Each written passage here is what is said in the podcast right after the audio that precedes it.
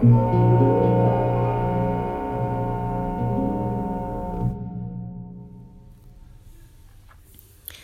vertelde mij dat jullie toevallig in hetzelfde café aan het werk waren. Jullie zaten tegenover elkaar en hij stelde je veel vragen.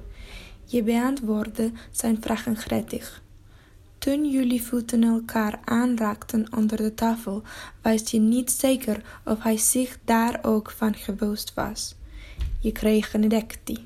Je deelde deze ontmoeting met mij omdat je had aan nagedacht hoe het was om een warme piemel in te krijgen in plaats van een siliconen object.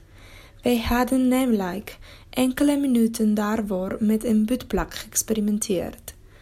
We mogen wel een open relatie hebben, zei ik, maar dat betekent niet dat ik zo vlak nadat wij intiem met elkaar zijn geweest alweer hoef te horen waar je andere verlagens liggen.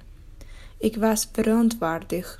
Op elk ander moment had ik een mooi verhaal gevonden, behalve toen. Nu postte de man in weken later een foto in een kleine onderbroek en dacht je niet aan zijn piemel, maar aan ons gesprek. Het was mislukt.